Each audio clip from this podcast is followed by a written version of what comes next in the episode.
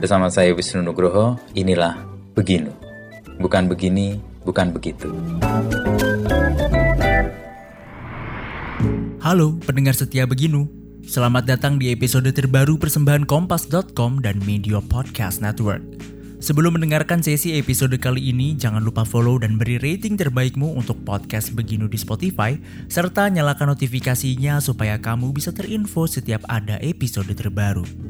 Follow juga Instagram, TikTok, dan Twitter kami di @medio by KG Media. Di episode ini, kita akan menyelami kisah Devan Yulio saat menggambarkan generasi Z dari kacamatanya. Bincang-bincang Wisnu Nugroho dengan Devan Yulio membahas tentang pandangan Devan tentang karakteristik generasi Z. Devan juga berkisah tentang peran pendidikan bagi dirinya dan perantauan dari Cilegon. Yuk, langsung saja kita dengarkan lebih lanjut. Sobat Medio, kamu penggemar kisah di balik layar investigasi program Aiman Kompas TV? Penasaran dengan kehidupan Aiman Wicaksono di luar televisi? Simak podcast Aiman Wicaksono, eksklusif dan belum pernah disampaikan olehnya di program Aiman Kompas TV. Persembahan Media Podcast Network by KG Media, Kompas TV, dan Trusted Talent Management hanya di Spotify.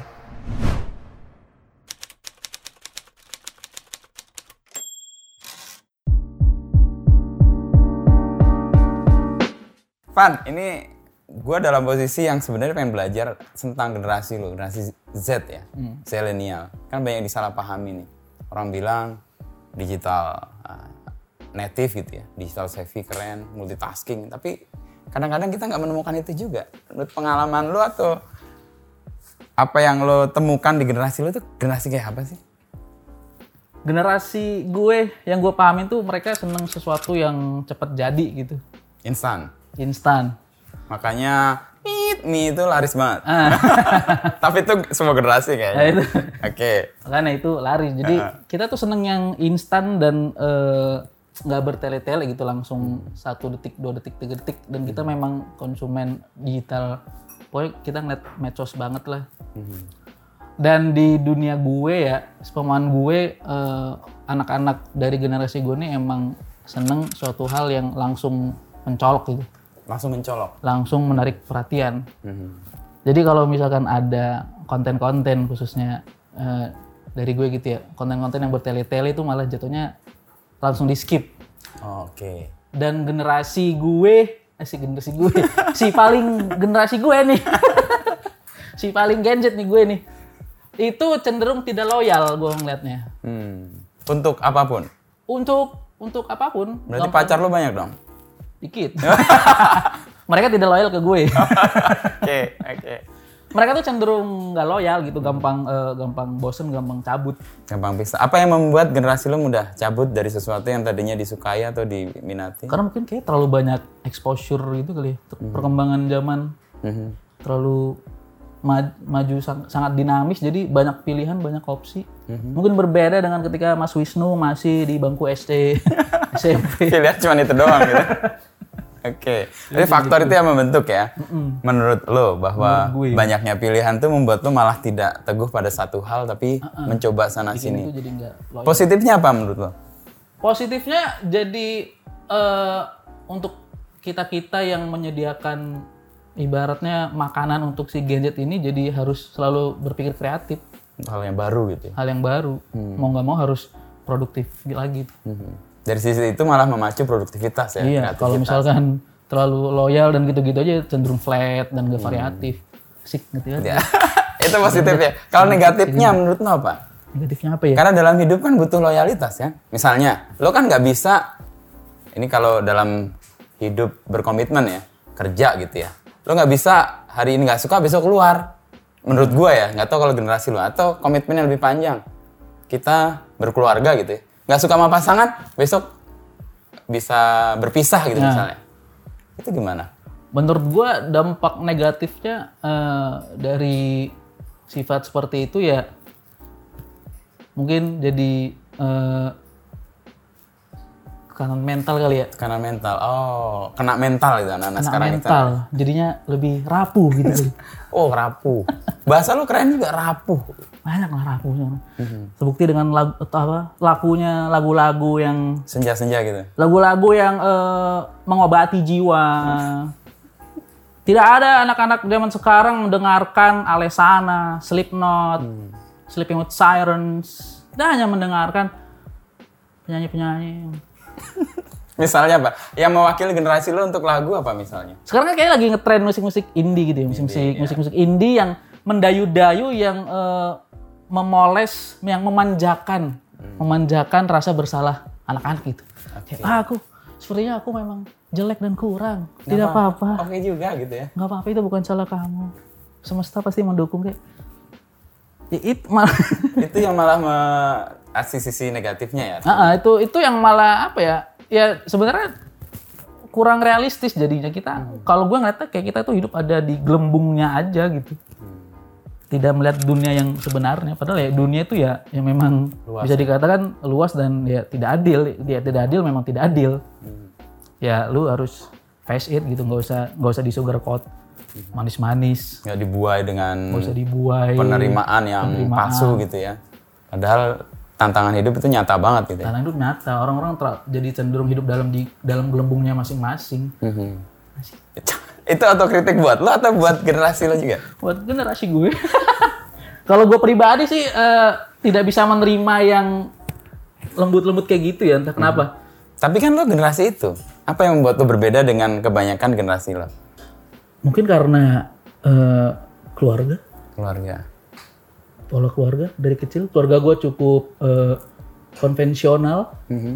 cukup konsen- konvensional dan cukup konservatif Konvensional konservatif itu misalnya sisir rambut ke kanan gitu. Eh, itu konvensional konservatif. rambut nggak boleh Lebih panjang. Oke. Model kalau lagi syuting harus pakai batik mungkin Oh, gitu peraturan karena peraturan bokap memang kayak gitu sih emang dari keluarga tuh turun gitu itu membuat lo keluar dari kumpulan yang kayak tadi, artinya ada pengecualian gitu ya. sama lingkungan main juga sih kayaknya ya Lo main di mana aja? di gua kan eh, ikut komunitas stand up comedy yang mana eh, dari anak-anak stand up ini jarang sekali gue temukan orang-orang tipikal yang eh, anak-anak ibarat yang tadi gue bilang sugarcoat mendayu-dayu mereka cenderung menerima realita kehidupan mereka. Lebih keras gitu ya, lebih. dan lebih keras dan justru diolah jadi komedi bukan suatu hal yang mendayu-dayu mereka berdamai. Banyak teman-teman di komunitas orang cacat orang nggak punya orang tua ya malah jadinya tertawa aja gitu. Jadi, Jadi kita bahan tertawa ya? nggak bersalah. Hmm. berbeda dengan orang-orang bunyi kan HP Nah, berbeda dengan oh, di telepon ya sama produser nih kayaknya mau dijadiin alarm. Sholat ini kayaknya atau enggak alarm sholat asar. Pas tapi saya sudah sholat tadi. Gitu tadi. Mantap. sampai mana mas? Sorry mas. Sampai di titik di, di mana orang bisa berdamai dengan dirinya sendiri termasuk dengan hal yang buruk atau tidak menyenangkan itu. Salah satu hal yang gue pelajari dari stand up comedy itu kayak kita nge-embrace kekurangan kita gitu. Misalkan kita memang mukanya katakanlah mukanya jelek.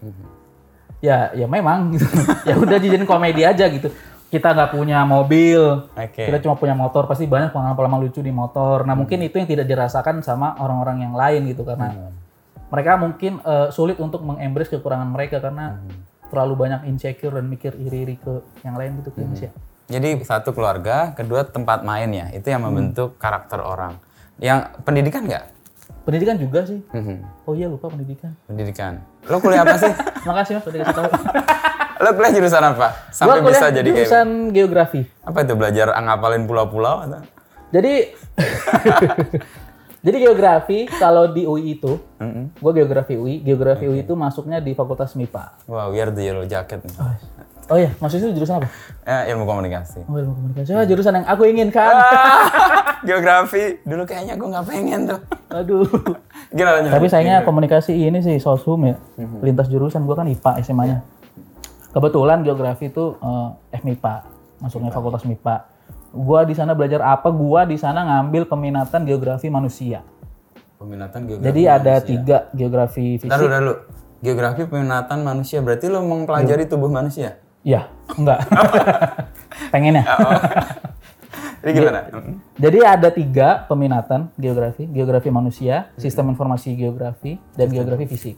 Lo ambil yang mana? Gue ambil yang geografi manusia. Wow, seru nih. Gimana gimana? Jadi kalau geografi manusia itu kita belajar tentang eh, bagaimana eh, respon manusia terhadap lingkungannya. In, eh, garis besar itu payungnya. Oh, oke. Respon Bagaimana manusia, menyikapi lingkungannya. eh, kondisi lingkungan sekitar. Dari situ muncul nanti pola spasial. Kenapa manusia memilih tinggal di tempat yang seperti ini? Kenapa manusia eh, kebudayaan yang lokasi yang satu dengan yang lain ada kemiripan gitu-gitu. Ada nyerempet-nyerempet sama antropologi, terus belajar demografi gitu-gitu. Sosiologi juga berarti ya? Sosiologi. Cara berelasi ya? Sebenarnya gue lebih ngindarin karena nggak belajar yang biar nggak belajar yang aplikasi aja sih. Makanya ambil geografi manusia ambil tadi. manusia. Oke. Kalau yang sistem informasi geografi itu pakai aplikasi Mhm. gitu gitulah software. Saya tidak mengerti. Jadi merespon konteks di lingkungannya berarti Hmm. intinya itu kan. Nah gue baca kan lo tidak memilih jurusan itu dengan sadar gitu ya. Artinya yang Betul. memilih karena karena lo wah ini passing grade-nya paling rendah nih. memilih. Jadi kayaknya biar dianggap lulus gitu lo ambil itu. Terus Iya. gimana cara lo mempraktikkan tadi kan ngomong soal konteks merespon itu. Lo nggak suka tapi harus belajar. Nah respon lo gimana? Sebenarnya itu lebih ke jadi tanggung jawab pribadi gue aja sih mas. Karena gimana ya, eh, udah UI gitu loh. Udah UI, UI nih, ya. sayang kan UI. Kalaupun gue harus pindah tuh belum tentu keterima lagi dan Mhm. urusannya ribet. Karena ketika SMA gue kagak bimbel, nggak ikut bimbel sama sekali, jadi gue takut untuk mengikuti ujian tulis. Oke. Maka dari itu gue sangat berharap di apa di undangan nih, jalur undangan nih. Pilih itu. tahajud, oh berdoa berdoa berdoa eh keterima. Dan carinya yang eh, passing grade-nya kecil.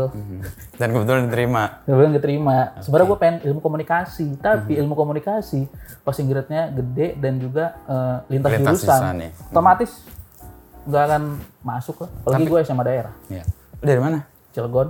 Oh Cilegon. Di Cilegon Mungkin nggak kalau daerah-daerah sekitar Jabodetabek tuh UI masih gampang masuk lah, sekitar Jabodetabek. Mhm. Jangan-jangan orang statusnya Cilegon di geografi loh? Enggak. Enggak, ada tiga.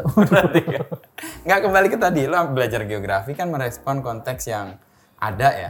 Nah lo kan memilih jurusan ya lo karena dalam tanda petik takut kan ya udah gue terima di sini aja yang penting dapat gitu.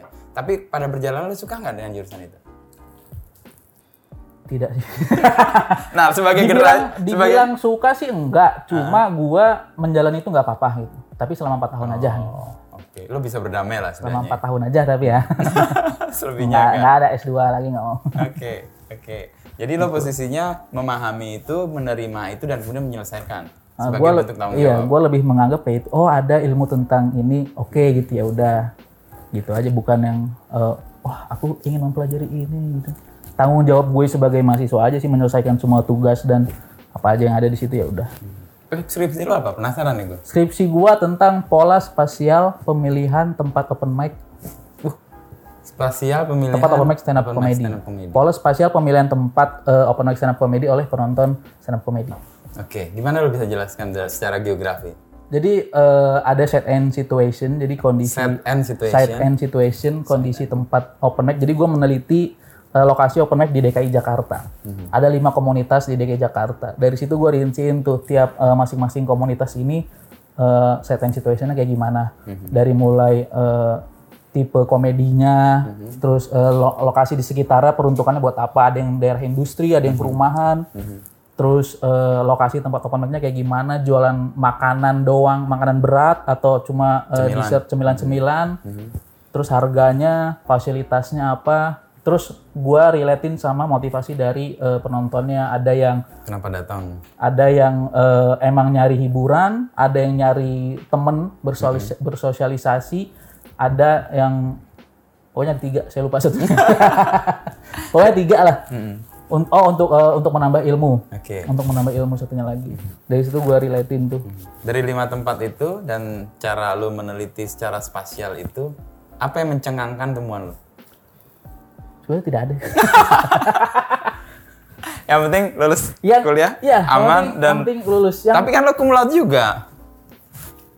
Iya sih, mungkin itu apa ya eh, hal yang kontradiktif ya Iya dengan makanya lo nggak suka gue. kuliah tapi menyelesaikan 4 tahun, menyelesaikannya pun nggak hanya menyelesaikan tetapi juga cum laude itu.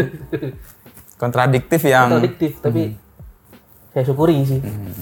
Dari skripsi gue itu yang gue inget eh, kebanyakan orang nonton stand up comedy itu karena mereka eh, mencari teman. Mencari teman. Kebanyakan orang yang eh, sudah bekerja khususnya. Yang sudah bekerja itu dia eh, ada beberapa yang eh, mencari memang hiburan dong, tapi ada yang mencari teman juga. Kebanyakan. Apa ya, ruang kerja atau tempat kerja itu membuat anak-anak kehilangan teman. Sehingga dia mencari teman ketika spasial itu dibentuk. Jadi, tapi kerasa juga sih mas ya. Setelah lulus kuliah tuh kayak nggak ada teman gitu kayak. Oh iya. Jadi Kayak seneng loh dari- ketemu teman lo nih. Enggak sih kalau udah biasa aja.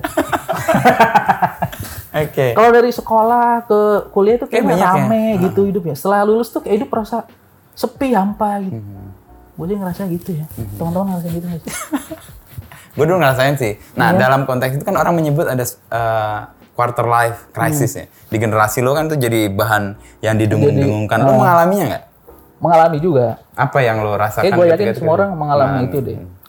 Yang lebih dirasakan itu eh, kalau gue pribadi ketika nongkrong sama teman-teman nih, apalagi teman-teman gue ibaratnya eh, orang-orang yang bisa dibilang pinter dan dari kalangan yang menengah ke atas gitu ya. Mhm.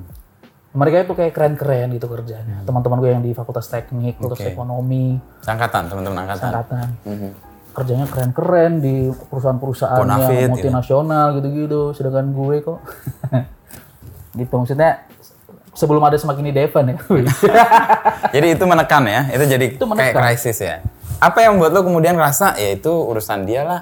Apa lo taunya cuma dari IG doang atau dari medsos doang atau tahu secara langsung? Tahu secara langsung sih ngobrol. Dan itu Dari menekan. dari.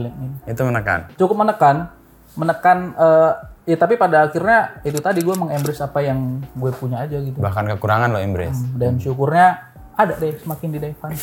Jadi gue kalau nongkrong sama teman-teman yang tadi perusahaan multinasional tuh gue nggak insecure lagi. Oke. Sejak kapan itu insecurity-nya hilang? Sejak adanya semakin di Devan. Kapan itu? Sejak ya mungkin followernya 50 ribu lah lumayan Wis, bisa dipamerin.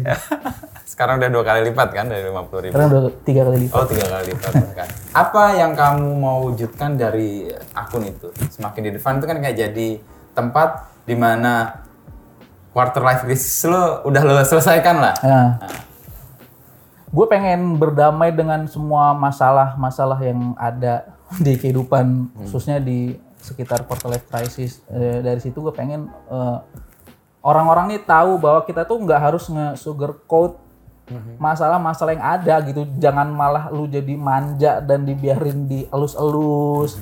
Jadinya lu nggak akan maju gitu. Dengan Makin lu rapuh ya, makin Iya. lembek gitu ya. makin makin lembek dengan lu tahu emang realitanya tuh nggak sesuai yang lu harapkan ya lu jadi bisa maju jadi bisa lebih produktif lagi kadang orang eh, lupa bahwa memang ya manusia tuh nggak ada yang spesial gitu people are replaceable menurut gue Bisa diganti ya. bisa diganti sangat bisa diganti siapa pun lu gitu. Jadi makanya dengan kondisi itu nih ya kalau kita selalu oh iya aku tidak salah aku ini aku baik-baik saja ya nggak akan maju. Intinya itu sih jadi lebih mengembrace apa yang dipunya ya udah jalannya emang emang hidup seperti itu realitanya Lo menemukan sebuah semangat itu dan lo memperjuangkan di semakin di depan tuh dari mana? awalnya sih eh, agak-agak lupa ya cuma selama ini yang gue rasain ketika mulai ada tren-tren eh, mental health awareness ini eh, gue pribadi ngerasa kayak nggak cocok gitu kayak ber gitu. Kayak cengeng gitu ya malah. ya? Kayak, iya gitu Hmm. kayak apa ya eh, ngeliat itu responnya bukan malah jadi semangat jadi kayak ih Hmm. Jadi kalau lo ngelihat sekarang kan banyak istilah healing lah, lalu Iya. segala macam. Lo denger itu sendiri gimana? ah, repot sekali gitu Se- sebatas orang ingin detox sosmed gitu tuh gue merasa ngapain sih ya lu kalau emang nggak pengen ngelihat yang jelek-jelek di Ya udah matiin. udah. medsos ya lo bisa mute lo Atau bisa unfollow. block, selesai gitu kagak usah pakai detox sosmed terus ninggalin bahkan ada kasus eh, teman gue yang di, saking detox sosmednya sampai-sampai temennya nge WA itu nggak digubris sama sekali padahal, Padahal itu itu penting. hal penting sampai nanya-nanya ke gue eh kok sini gimana gini nih ternyata dia lagi detox sosmed Detox malah dalam konteks healing tadi. link tadi Hmm. ya maksud gua ya ada fitur mute, block dan lain-lain. Kayak ya kita mah sehari-hari kalau gabut ngapain? ya udah buka HP. Maksud Oke. gua ya mungkin pilihan orang berbeda-beda ya. Takutnya gua dicecer nanti. Tapi setidaknya kan lo mewakili generasi lo kan. Artinya ada sesuatu yang agak berbeda nih, menyimpang dalam arti memang gue tahu setiap kumpulan itu pasti ada pengecualian dan lo gue ngeliat pengecualian dari lo. Dan pengecualiannya kan karena terbentuk tadi keluarga, teman main atau lingkungan bermain sama pendidikan. tadi ya, yang mengubah setidaknya. dan lo punya cita-cita sebenarnya di ilmu komunikasi tapi belajar geografi. Makanya lo jadi kayak komunikator sekarang kan? Iya juga. dengan semakin di depan. Pengen jadi stand up comedy kan sebenarnya? Inti dari komunikasi kan? Storytelling kan Iya itu? pengen. menyampaikan pesan. Jadi nanti yang mau masuk suci berapa ya? Mama bedel. lo menuju itu by design atau aja? Untuk stand up comedy. enggak maksud iya stand up comedy adalah uh, turunannya dari yang lo geografi tiba-tiba menyimpang ke semakin di depan itu dan jadi kayak komunikator lah akhirnya Sebenarnya kalau yang eh, yang tadi gue bilang geograf, gue kuliah di geografi itu gue jadikan sebatas eh, formalitas gue menyelesaikan kewajiban, ibaratnya menyelesaikan eh, urusan gue sama orang tua gue dah. Oh, tanggung jawab lah ya. Tanggung jawab sama orang tua udah selesai, bukan kayak eh, jadi jalan hidup. Karena selama kuliah di geografi pun gue berstand up komedi, MC gitu lah, dunia-dunia komunikasi. Komunikasi, gitu-gitu. ya. MC stand up comedy. Dan emang yang gue pengen ketika lulus pun gue di bidang itu gitu loh. oke Gue nggak pernah sama sekali daftar jurusan yang bidang geografi malah. Padahal sebenarnya dibutuhkan juga kan untuk banyak Padahal banyak lowongan. tapi lo nggak nggak masuk ke situ Dan emang kalau kita into ke situ beneran ya emang sebenarnya bonafit juga. Mhm. tapi lo nggak masuk ke situ Tapi gue enggak. lebih karena tadi ya ingin memberikan tanggung jawab pertanggungjawaban kepada orang tua lalu pendidikan lo pahami sebagai apa selain bahwa untuk bertanggung jawab pada orang tua yang sudah membiayai Pendidikan eh, yang sangat gue rasakan ketika ini blessing yang mungkin salah satu blessing terbesar di hidup gue adalah ketika gue keterima di UI. Hmm. dengan keterima di UI, ya kita nggak bisa menampikan lah. Mungkin banyak orang yang bilang eh, kuliah di mana pun itu sama aja. Yang penting orangnya gimana. Tapi eh, pada kenyataan yang gue rasain, gimana pun alma mater itu pasti dilihat. Oke. Ini gue bukannya menjunjung-junjung tinggi UI Iya ya. iya iya. Gue sebagai ini juga biasanya kadang-kadang gitu ngeliat CV Iya. atau apa. Itu jujur itu ya. Itu untuk mencari kerja dan di sisi lain eh, dari exposure yang kita dapat, dari fasilitas yang kita dapat pun otomatis berbeda nih antara sekolah yang memang fasilitasnya proper atau tempat kuliah yang fasilitasnya proper dibanding yang Ala kurang kurang baik ala kadarnya gitu. Mungkin orang- orang-orang yang eh, berkuliah di eh, daerah-daerah yang ngeri juga ngomongnya. mungkin mungkin orang-orang yang kuliah di kampus-kampus yang kurang eh, kurang proper, kurang mendukung fasilitasnya mungkin nggak akan ada kayak exposure ikut lomba, ikut-ikut lomba internasional, eh, kita daftar di perusahaan yang multinasional. Mungkin orang-orang orang-orang di situ akan legowo dan oke-oke aja gitu. Ah, ya udah setelah ini gue ya daftar sini aja nggak apa-apa gitu-gitu. It- eh, itu sih eh, apa ya? Salah satu hal yang yang gue rasa tuh sangat blessing bagi gue ketika gue keterima di UI. Dengan gue keterima di UI itu gue dapat exposure itu tuh. Exposure eh, dan di sisi lain juga UI ini eh, gue ngeliatnya sebagai eh, miniatur Indonesia. Dari situ gue lebih Kenal terbuka semua. nih pikiran gue. Ketika gue zaman sekolah itu bahkan eh, sebatas orang rokok pun cowok ngerokok nih gue anggapnya itu ih anak nakal. Hmm. Begitu lo masuk UI, Begitu gue masuk. UI, kok banyak ini. nggak hanya cowok bahkan. Ah, ya nggak nggak hanya coba kan cewek-cewek. Dari situ gue mengerti, dari situ gue bisa paham bahwa oh orang ngerokok tuh belum tentu dia nakal. Bisa jadi emang dia eh, stres, dapat idenya karena ngerokok. Dari situ gue lebih eh, Terbuka. terbuka dan memahami lah oh, eh, sifat-sifat orang dengan berkuliah di tempat yang ibaratnya proper. Dan gue yakin kalau misalkan gue kuliahnya di lingkungan yang itu-itu aja, pasti pola pikir gue nggak akan berubah gitu, nggak akan berkembang.